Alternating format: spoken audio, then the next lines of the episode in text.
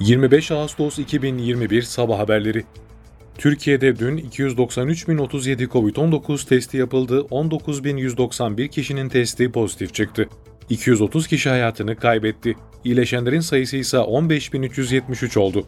Sosyal medya hesabından günlük tabloyu paylaşan Sağlık Bakanı Fahrettin Koca, vaka sayıları azalmadıkça kayıplarımız azalmıyor. Bugün tedbir alıp harekete geçmezsek yarın daha ağır yükler taşıyabiliriz.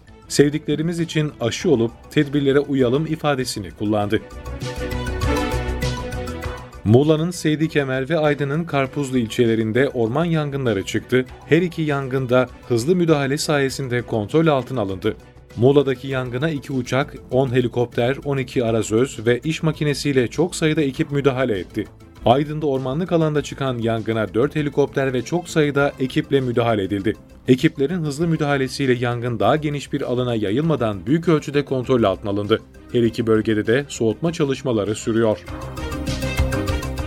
Tunceli'nin Pülümür ilçesinde İl Jandarma Komutanlığı ekipleri Eren 7 Mercan Munzur operasyonu kapsamında teröristlerce kullanıldığı belirlenen 4 sığınak kullanılamaz hale getirildi.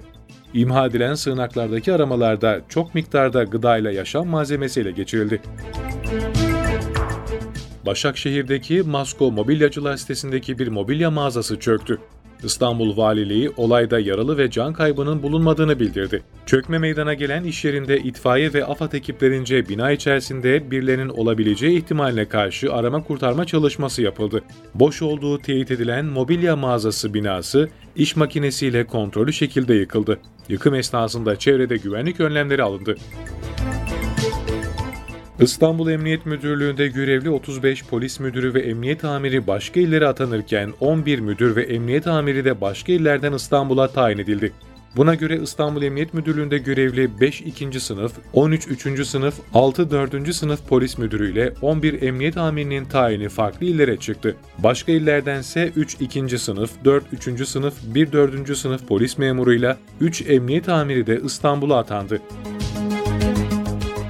G7 liderleri Afganistan konusunda Birleşmiş Milletler ve G20 aracılığıyla müttefikler ve bölge ülkelerle birlikte çalışacağını söyledi. Almanya, Amerika Birleşik Devletleri, Fransa, İngiltere, İtalya, Japonya ve Kanada'dan oluşan G7 ülkelerinin liderleri Afganistan'daki durumu görüşmek üzere çevrim içi ortamda bir araya geldi. Birleşmiş Milletler ve NATO Genel Sekreterlerinin de katıldığı zirve sonrasında yayınlanan bildiride Afganistan'daki durumla ilgili ciddi şekilde endişeli olunduğu vurgulandı. Birleşmiş Milletler Güvenlik Konseyi'ni Suriye'deki insani durum hakkında bilgilendiren Birleşmiş Milletler İnsani İşlerden sorumlu Genel Sekreter Yardımcısı Martin Griffiths, kamptaki güvenlik sorunlarının devam ettiğine, Haziran ve Temmuz'da kadın ve kız çocuklarına yönelik şiddetin arttığına dikkati çekti. Griffiths, terör örgütü PKK-YPG'nin kontrolündeki Hol kampında Ocak'tan beri 69 kişinin öldürüldüğü, 12 kişi ise öldürme girişiminde bulunulduğu rapor edildi.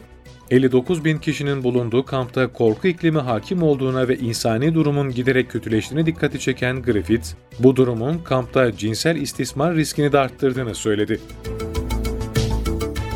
Cezayir Dışişleri Bakanı Ramtan Lamarra düzenlediği basın toplantısında ülkesinin Fas'ın düşmanca eylemleri nedeniyle diplomatik ilişkileri kesme kararı aldığını açıkladı. Öte yandan Fas'tan konuyla ilgili henüz resmi bir açıklama yapılmadı. Fas, Cezayir'i Batı Sahra bölgesindeki ayrılıkçı Polisario cephesine desteklemekle suçluyor. Cezayir'in de komşusu Fas'ın Batı Sahra'daki adımlarını desteklemediği biliniyor.